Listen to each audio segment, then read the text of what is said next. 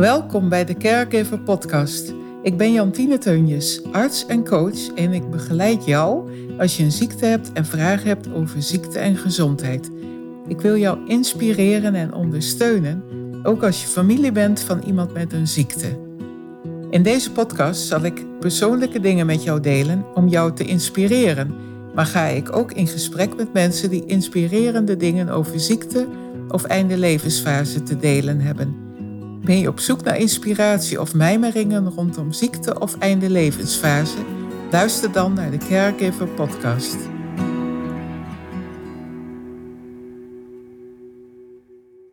Hallo, beste luisteraar. Ik heb hier een uh, hele bijzondere gast vandaag in mijn podcast. Het is Gabri Kuiten. Gabri heb ik uh, leren kennen doordat ik een keer een fotoshoot deed voor mijn bedrijf. En toen um, was er een visagiste en die uh, kende Gabri. En die, zei, die hoorde toen wat ik deed en zo. En die um, was um, ja, wel enthousiast over haar. En toen zei ja, misschien kunnen jullie wel ook uh, wat aan elkaar hebben. Ik weet het niet, maar nou ja. Wat er in elk geval gebeurde is dat wij uh, regelmatig nu even bellen. Om te horen wie, waar we mee bezig zijn, beiden, van elkaar. En dan praten we gezellig bij en dan, uh, ja, dan uh, proberen we wat tips uh, aan elkaar te geven waar nodig. En naar elkaar te luisteren, naar elkaars verhaal en zo. En dat is heel fijn. Het is een soort businessmaatje eigenlijk. En ik zie dat Gabri daar een hele lieve kat zich heeft. Wat een lieve. ja. Vertel eens wat over jezelf. Gewoon uh, wie jij bent uh, als persoon en uh, ja, dat soort dingetjes. Prima. Dankjewel Jantine om mij uit te nodigen voor jouw podcast. Ik vind dat heel bijzonder. Ik heb dat nog nooit eerder gedaan. Mm. Dus ja, ik ben uh, Kuiten. Ik ben arts van opleiding. Ik heb in Nederland, in Amsterdam gestudeerd. En ik heb dan in Amerika gespecialiseerd tot algemeen internist. Ik heb daar ook daarna nog een tijd uh, gewerkt. En, ehm, en daar heb ik ook mijn man leren kennen, die ook arts is. Nu, na een aantal jaren zijn wij dan naar België verhuisd. Um, om toch wat dichter bij, bij een van onze families te zijn. En ben ik beginnen werken voor uh, Janssen Pharmaceutica, een farmaceutisch bedrijf. En ik heb daar heel veel geleerd en uh, bij onderzoek betrokken geweest en, en medische informatie en dergelijke. Maar uiteindelijk miste ik toch wel uh, ja, het, het, contact met patiënten en, en de, de, de impact die je kunt hebben op patiënten uh, hè, op een rechtstreekse manier als arts. En ik had al lang een idee in mijn hoofd dat er iets zou moeten zijn, uh, of een dienst zou moeten bestaan om mensen te ondersteunen die hun weg een beetje kwijt zijn in de medische wereld. Die worstelen met complexe problemen, ehm, met ja, die allerlei verschillende specialisten zien die niet altijd even goed met elkaar praten. Dus ja, dat was een idee dat ik, dat ik al langer had, maar ik zag nooit heel goed voor me hoe ik dat kon uh, realiseren eigenlijk. Want ja, dat is niet zo makkelijk, dat bestaat nog niet. Dus hoe ga je daar je, je brood mee kunnen verdienen. Uh, dat, dat, zag ik niet zo goed. Maar ja, dan op een gegeven moment, op aanraden van een coach, ben ik dat toch verder gaan uh, exploreren. En dan ben ik uiteindelijk terechtgekomen bij het Antikankerfonds. Het Antikankerfonds is een uh, kleine non-profit organisatie die gevestigd is in België, maar wereldwijd werkt eigenlijk. En zij waren in, initieel vooral bezig met, met research. De, wat we noemen de, de commercieel verwaarloosde research naar uh, zaken die niet zo commercieel interessant zijn, maar wel interessant voor patiënten. En gaandeweg waren die ook een beetje een vraagbaak geworden voor patiënten die ja, dingen wilden weten over behandelopties, over um, klinische studies, over um, misschien experimentele behandelingen. En zij deden opzoekwerk voor mensen en, en bezorgden dat dan via de mail. en ze waren eigenlijk ook juist op een punt aangeland waar ze zeiden van we willen eigenlijk een arts aan boord die dit mee coördineert en, en ook kan zorgen voor een wat meer persoonlijke aanpak. Dus ja, de timing was, was perfect daar. Ehm, en dat was in 2018. En sindsdien uh, ja, werken we samen met een team van wetenschappers en artsen om mensen te ondersteunen in hun zoektocht naar informatie rond kanker. En ja, uh, ja voilà. Het heet uh, My Cancer Navigator. Interessant. Ja, ik heb er natuurlijk vaker al van jou over gehoord. Je doet gewoon heel goed werk. Dus uh, hartstikke mooi. En uh, ja, ik ben gewoon ook even heel erg benieuwd wat dat nou praktisch uh, betekent. Hoe ziet voor jou een week bijvoorbeeld uit? Wat, wat doe je zoal dan voor die mensen? En ja. ja, is het op non-profit basis? Dat geloof ik wel, hè? Ja, ja, Ja. Ja, ik zelf werk eigenlijk freelance voor het Antikankerfonds. Um, andere mensen in het team zijn werknemers van het Antikankerfonds. En de service is gratis voor patiënten. Dus wij draaien volledig op donaties van, van patiënten, maar ook van, van bedrijven, van, uh, van individuen. Uh, we zijn onafhankelijk van uh, de overheid of van farmaceutische bedrijven en dergelijke. Dus ja, praktisch. Ik doe ja, bijna iedere dag s ochtends mijn computer open en dan zie ik, oké, zijn er nieuwe patiënten die ons gecontacteerd hebben via mail. Soms is het via telefoon en dan wordt dat doorgestuurd. Soms is het via de website. En wanneer iemand ons contacteert, is het eerste wat er gebeurt, is dat ik zelf of een van mijn collega-artsen contact opneemt met die patiënt. Om te horen wat is het verhaal precies, wat voor soort kanker hebben ze, wat is er al gebeurd aan onderzoeken, zijn ze al behandeld geweest in het verleden of niet, uh, en wat zijn hun vragen precies, hè? waar zitten ze mee, wat zijn hun bezorgdheden. Ik leg ook uit hoe wij werken natuurlijk. We willen heel gericht en gepersonaliseerde informatie geven, dus wij vragen ook altijd aan mensen om relevante uh, medische rapporten door te sturen. Dus daar vragen we toestemming voor. Uiteraard gaan we daar ook heel voorzichtig mee om. En ja, als we dan al die informatie op een rijtje hebben en we krijgen ook de, de medische verslagen, dan gaat een van onze research managers eigenlijk achter de schermen een heel gestructureerd opzoekproces doen. Dat betekent, we gaan kijken wat staat er in internationale richtlijnen voor de behandeling van dit type kanker. Zijn er klinische studies waar die persoon voor in aanmerking komt? Als ze heel gerichte vragen hebben over een specifieke therapie, dan gaan we uiteraard daar de literatuur over bekijken. En als dat dan allemaal gebeurd is, dan bespreken we dat in een team met ook oncologen, mensen die eh, in de dagelijkse praktijk staan en die ook hun input geven op uh, de research die we gedaan hebben. En als dat dan allemaal rond is, dan maken we eigenlijk een verslag voor de patiënt in begrijpelijke taal. En daar hangt er ook een beetje van af. Is dat iemand die misschien medisch onderlegd is? Of is dat iemand die niks kent van, van de geneeskunde? We stemmen daar de, de, ja, de, de, de samenvatting en het verslag op af. Dat we het juiste taalgebruik hebben. En dan is er opnieuw een call, meestal een videocall, met mijzelf of een van de andere artsen en de patiënt om eigenlijk al die informatie te bespreken. En uit te mhm. leggen, voilà, dit hebben we gevonden, dit is relevant, dit kunt u misschien met uw arts bespreken. Um, en wat wel belangrijk is, wij gaan nooit zeggen, je moet dit of dat doen. Of dit is het beste voor u. Wij gaan zeggen, voilà, dit zijn de opties die wij hebben gevonden. Bespreek dat met je behandelend arts. wij willen niet tussenkomen in de relatie tussen arts en patiënt. Want die is zeer belangrijk. We willen dat vertrouwen ook niet ondermijnen.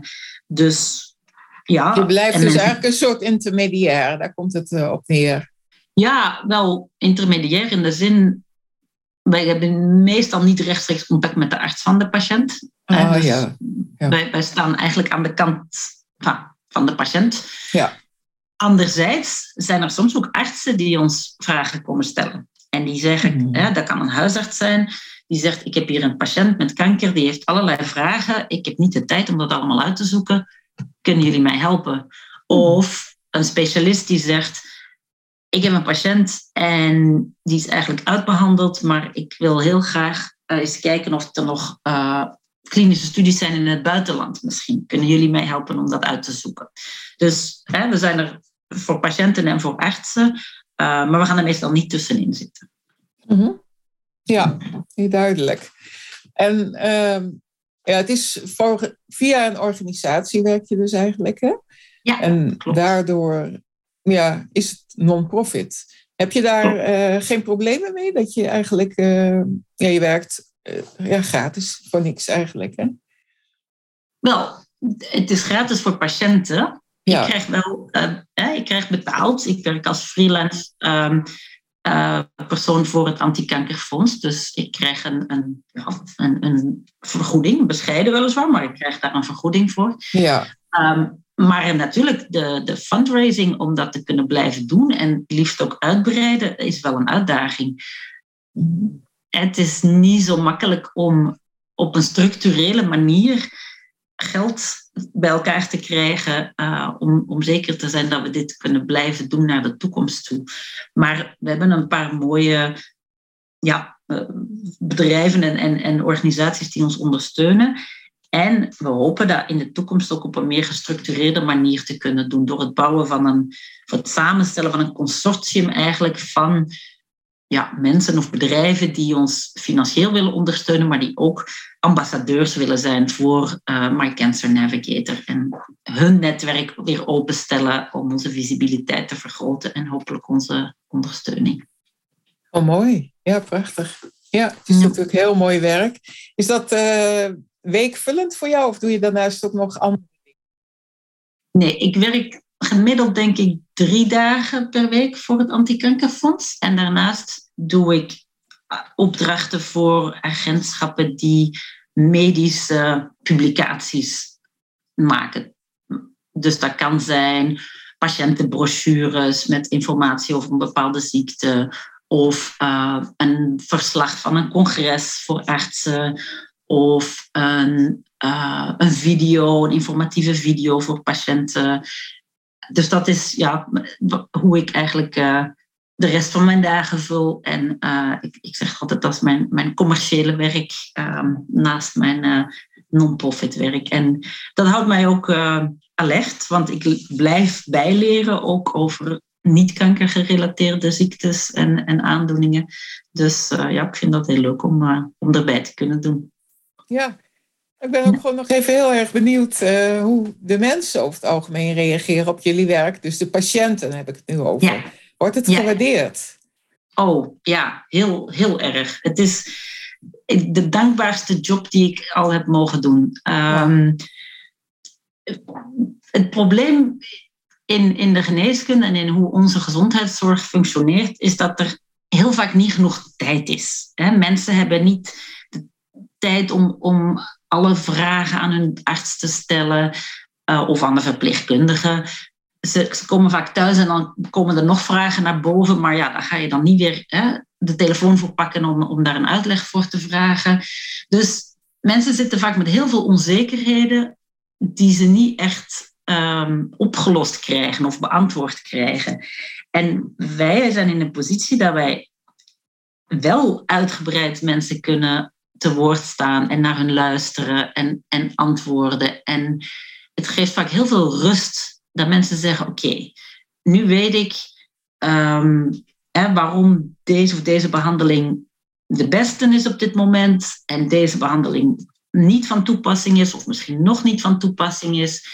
En dat er misschien nog in de toekomst een klinische studie is waar ik aan zou kunnen deelnemen. En dan kan ik gewoon focussen op mijn behandeling nu. En dan hoef ik niet meer hele nachten aan het internet te zitten om dingen op te zoeken en uit te zoeken.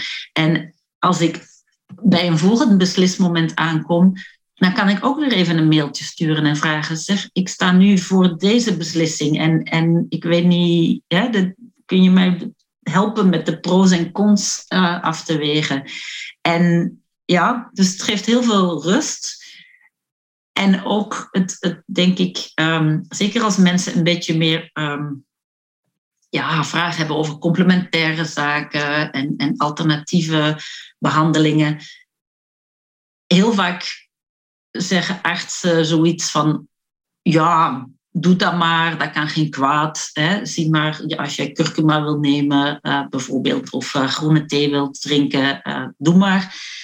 Of ze zeggen, ja, nee, doe dat allemaal niet, er is geen bewijs voor, enzovoort.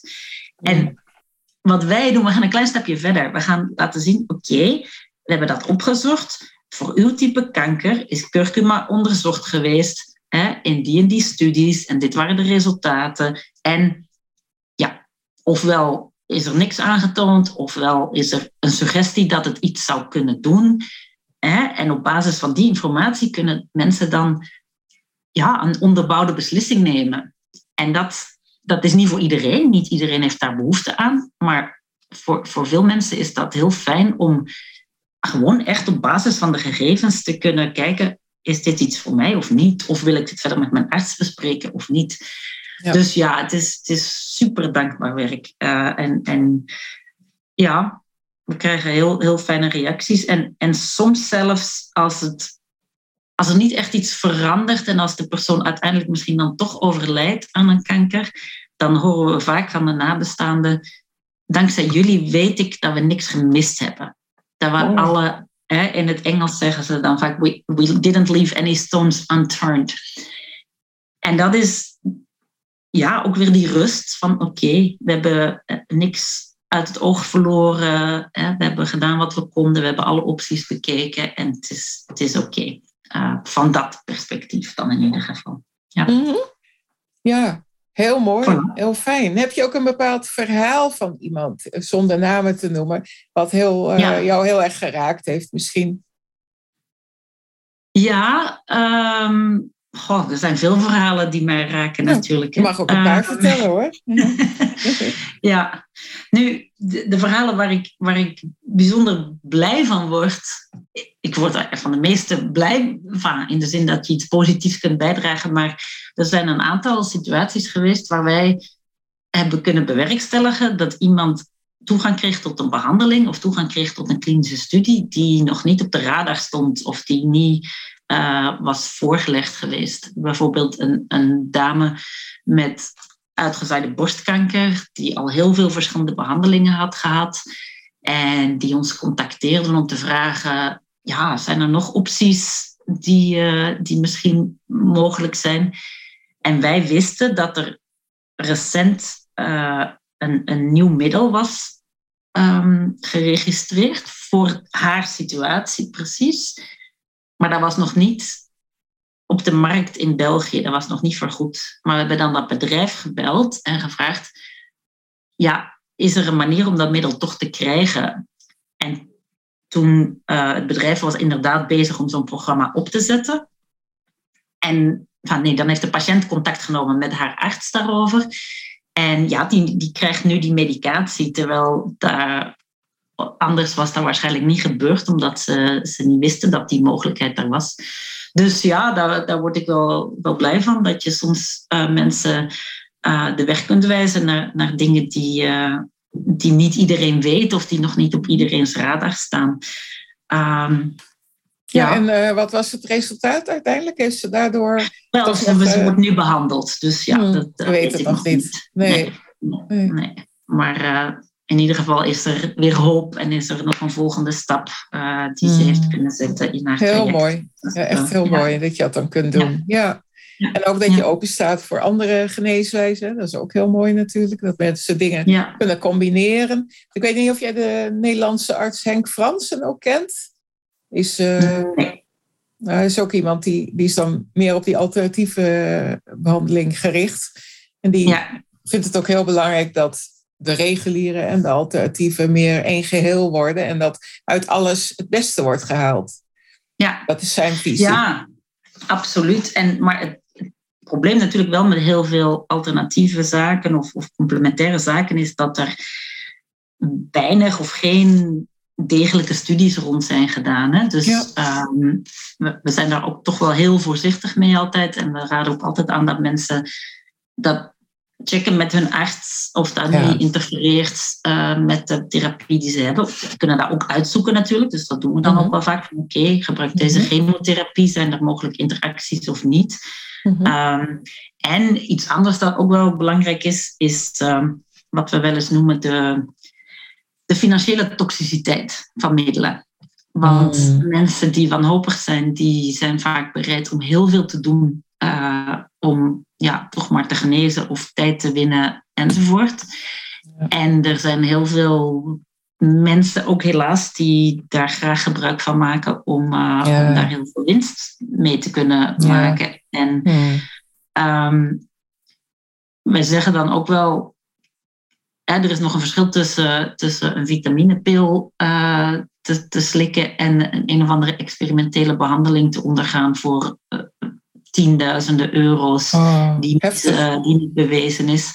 Ja. En mensen, ja, die verkopen soms hun huis of die doen, die doen ja. echt hele radicale dingen. Ja. En dan, dat ver, ja. ja, dat heeft ook een grote impact op, op de kwaliteit van leven of de kwaliteit van leven van de nabestaanden. Hè? Dus dat zijn wel dingen die we proberen te nuanceren van, ja, misschien zit daar iets in, maar dat is niet bewezen en weet dat dat geld krijg je niet terug. Hè? En, en voor sommige mensen is dat enorm en heeft dat een enorme impact op hun leven. Ja. Dus dat zijn, ja, dat zijn, zijn gevoelige zaken die. Uh, goed dat je zo uh, rustig of zo uh, gedegen mee omgaat. Dat is natuurlijk heel goed. Want ik merk dan wel dat een aantal van die artsen, coaches, dat die dan ook de preventieve kant heel belangrijk vinden. Maar jullie krijgen eigenlijk de mensen die al ver in een traject zitten, dan is er niet meer echt sprake van preventie. Hè? In dat stadium Klopt. zijn ze vaak al, ja. Klopt. Hoewel wij krijgen ook wel vaak vragen rond preventie van herval. Hè? Of preventie, mm. wat kan ik zelf doen om mijn, uh, ja, de, progressie van de ziekte te vertragen. Mm. Hè? En daar, dus dat is, ja, je zou dat kunnen noemen secundaire preventie of tertiaire ja. preventie. Ik weet niet goed ja. hoe je dat formeel noemt. Maar mensen kunnen wel degelijk dingen doen. En dat is ook wel aangetoond in studies door bijvoorbeeld gezond te eten, um, hè, weinig vlees, weinig geprocessed uh, voedingsmiddelen ja, niet roken, niet drinken enzovoort. Dat is allemaal evident, denk ik. En door lichaamsbeweging is er echt wel aangetoond dat er soms een vertraging is tot herval of een verminderde kans op herval na bijvoorbeeld een borstkankerbehandeling. Dus in die zin, de, de echte preventie, preventie, daar, daar houden we ons inderdaad niet mee bezig, want de mensen die bij ons komen hebben al kanker. Maar um, er zijn nog steeds dingen die mensen wel zelf kunnen doen om um, ja, in ieder geval hun kwaliteit van leven uh, te verbeteren of te optimaliseren. Ja, nee, prachtig. Ja. Heel mooi. Ja. En, uh, ja, zeker. Ik was ook heel erg benieuwd, uh, waar komen de patiënten vandaan? Is dat uit België en Nederland of ook nog verder? Ja, nee, de, de patiënten, ongeveer 40% van de patiënten die wij ondersteunen komt uit België. Mm -hmm. Omdat dat heel vaak ook via via is. Maar uh, de rest komt van over de hele wereld. Um, er is een, een, groot stuk die uit het Verenigd Koninkrijk komen. Hmm. Um, ook wel heel wat uit Nederland. En ja, maar eigenlijk van alle continenten komen mensen tot bij ons. Ze vinden ons online. Er wordt op internetforums heel veel gebabbeld over van alles en nog wat. En daar worden wij regelmatig vernoemd. En wij zeggen ja, zolang mensen Nederlands, Engels of Frans kunnen spreken en hun medisch dossier in een van die talen beschikbaar hebben, dan uh, kunnen wij ze ondersteunen. Ja. Ben jij ook Frans sprekend of hebben collega's dat dan weer? Ja, ja oh, handig. ik spreek ja. ook Frans en een van mijn collega-artsen ook. Ja. En we hebben sinds kort een Nederlandse arts in ons team ook die, uh, die Nederlands en Engels spreekt. Dus hmm. uh, we hopen op termijn te kunnen uitbreiden en ook ja, misschien Spaanstalige collega te vinden of uh, zelfs ja. ja. Er zijn heel veel, we hebben heel grote ambities, maar we zullen uh, stap voor stap moeten gaan. Ja, ja. Ja. Ja. ja. Mooi. Ja. Ja, ik, zit, ik val even stil, maar ik zat even te denken over nog een vraag. Nou, een vraag die mij vaak gesteld wordt en die misschien ook wel interessant is, is hoe artsen reageren op ons werk. Ehm, of hoe, hoe dat, ja, want dat ligt dan soms wel. Ja, ja, ja. En mensen vragen soms wel van hoe reageren artsen op, uh, op jullie werk? En ehm, het antwoord daarop is ja, wisselend eigenlijk. Maar we beginnen wel bekender te worden, in ieder geval in België, ook onder artsen. En hè, zoals ik daar straks zei, soms contacteren artsen ons ook zelf om informatie te vragen. Maar jammer genoeg is het soms nog wel heel moeilijk voor patiënten om te durven zeggen tegen een arts: Kijk, ik heb informatie gezocht, gevraagd ergens anders en dit is wat ik heb gekregen en kunnen we daarover spreken. Mensen vinden dat vaak heel spannend. En helaas is dat soms ook terecht, omdat niet alle artsen daar goed oppakken en, en daar soms ehm, ja, een beetje kribbig over worden of, of uh, vinden dat dat niet, niet nodig was of niet, niet moest. Maar gelukkig, meer en meer, staan artsen daar ook wel voor open. En um, de keren dat wij gehoord hebben dat ze echt onze informatie hebben bekeken, hè, de, de, de papieren samenvatting die we aan de patiënt bezorgen, hebben we daar ook heel goede feedback op gehad. En um, ik weet nog, er was een keer een arts in Nederland die tegen een patiënt had gezegd: Wauw, dit is de eerste keer dat ik zoiets voor mijn neus krijg dat geen bullshit is. dus hmm. ja, dat was een, een mooi compliment voor ons. En het is ook altijd heel gedegen, het is heel genuanceerd. We zetten alle referenties erbij, zodat dingen ook teruggezocht kunnen worden. En dat we niet dingen zomaar uit ons duim zuigen, maar dat we dat effectief uitgezocht hebben. En ja, het geeft vaak een, een leidraad. En wat ik wel mooi vind om te zien en, en ook blij over ben, is dat meer en meer artsen en ook ja, andere gezondheidsprofessionals en, en de geneeskunde in het algemeen, dat er meer en meer focus is op wat we noemen shared decision making. dat patiënten betrokken worden bij de beslissingen rond hun behandeltraject. Dat uh, dat er niet meer zomaar gezegd wordt van, nou, ik ben de dokter en ik zal wel zeggen wat er moet gebeuren, maar dat er rekening wordt gehouden met de voorkeuren van de patiënt, met de prioriteiten van de patiënt. En ja, dat daarmee in overweging wordt genomen en dat mensen dus voldoende informatie moeten krijgen om mee te kunnen beslissen. Want je kunt maar beslissen als je de relevante informatie in handen hebt natuurlijk. Hè. Dus, en dat zien we ook nog wel vaak gebeuren, dat en de arts dan bijvoorbeeld zegt, voilà, we kunnen deze chemo gebruiken of we kunnen dat bestralen, kies maar. Maar ja, mensen kunnen niet kiezen als ze niet alle elementen kennen van, van de verschillende opties. En uh, ja, gelukkig is daar meer en meer aandacht voor, ook vanuit patiëntenverenigingen en organisaties die werken aan patiënten empowerment, hè, zoals we dat noemen. Um, dus dat is eigenlijk uh, ja, voor een stuk waar wij aan, aan, aan willen bijdragen en um, um, de mensen de, de tools in handen geven om een actieve deelnemer te kunnen zijn in hun behandeltraject. Ja, heel mooi, die uitgangshouding. Het is natuurlijk wel iets waar steeds meer naartoe wordt gegaan. Maar je merkt toch dat in de praktijk artsen toch nog heel erg aan hun protocollen hangen en een uh, lijst afwerken van uh, zo doen we het altijd. En uh, dat er weinig ruimte ook uiteindelijk is, zeker bij de gangbare specialismen, om ja. echt daarover in gesprek te gaan. ik weet ook niet ja. hoe oncologen over het algemeen daarmee omgaan. In, internisten, oncologen of, of andere oncologen. Dat weet ik dus ja. niet. Wisselend dat wisselt, per persoon, hè? Ja. Dat wisselt, maar er zijn natuurlijk in het algemeen zeer betrokken artsen. Hè? En ja ik, zelfs degenen die misschien niet communicatief zo sterk zijn, die willen nog altijd het beste voor hun patiënten. Ja, Hè, daar twijfel ik niet aan. Ja. Maar ja, het, het, het, het wisselt in hoeverre mensen bereid zijn om in gesprek te gaan met hun patiënten. En dat is eigenlijk iets, ik ben dan nog vergeten te zeggen, dat is ook iets wat ik doe. Uh, ik ga nu vanavond bijvoorbeeld ook weer een workshop geven, uh, via Zoom weliswaar, om uh, mensen uh, het, het meeste te kunnen laten halen uit een afspraak met de dokter. Oh ja. Want ja. ik heb niet de illusie dat ik artsen en de opleiding van artsen uh, kan veranderen op korte termijn, maar ik kan wel individuele patiënten ondersteunen om gewoon een paar kleine dingen mee te geven van wat kan ik nu doen zelf om die tien minuten of dat kwartier zo goed mogelijk te benutten. Ja. En dat is dan ja, een vragenlijstje meenemen, dat hoor je natuurlijk heel vaak. Maar wat voor vragen zet je daarop en hoe formuleer je die vragen? Want als je zegt, dokter, is dit de, best, de, sorry, is dit de beste behandeling voor mij? Dan gaat de dokter misschien zeggen ja. En dan ben je uitgepraat. Maar als je vraagt, dokter, welke verschillende behandelingen worden er in de richtlijnen genoemd? En wat zijn de voor- en nadelen daarvan?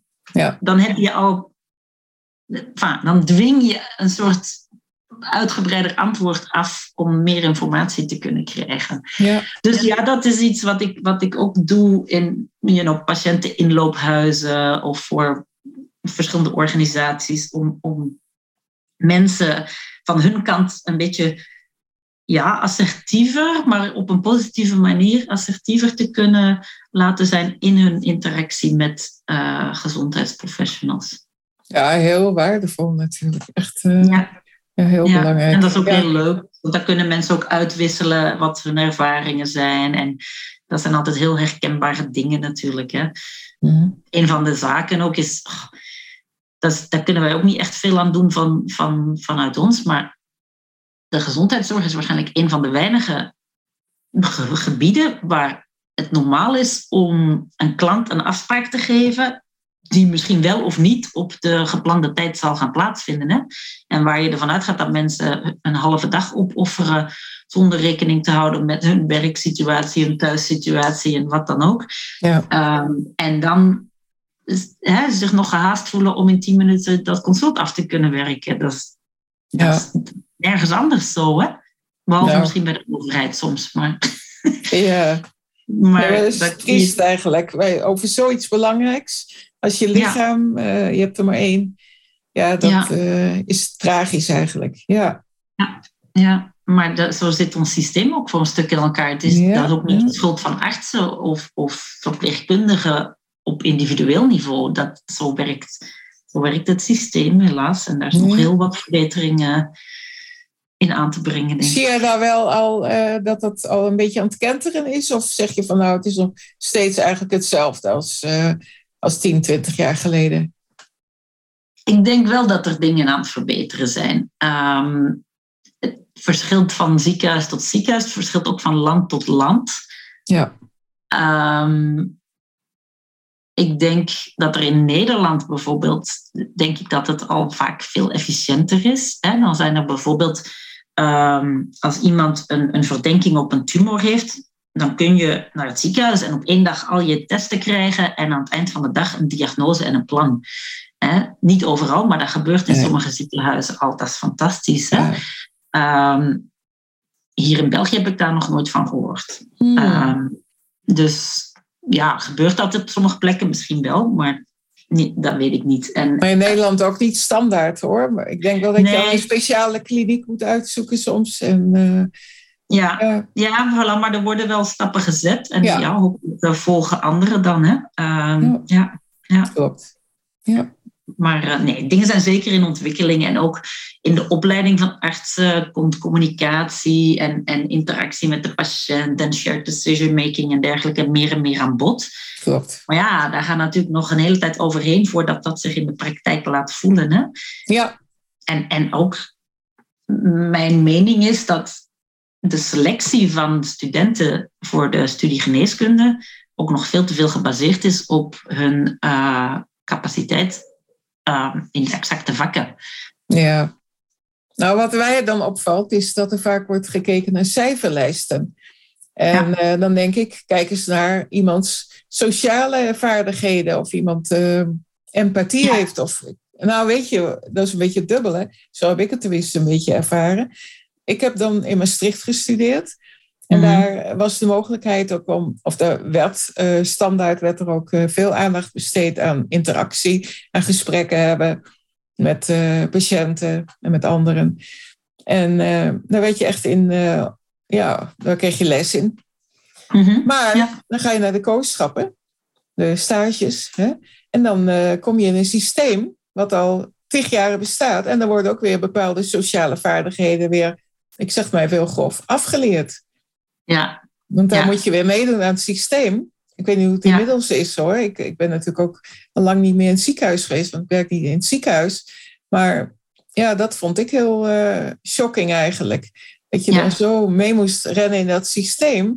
Als je even een beetje anders wou, of uh, ja, dat, daar was niet echt ruimte voor. Ja. ja. nee, dat is waar. Ik heb dat ook al gehoord van.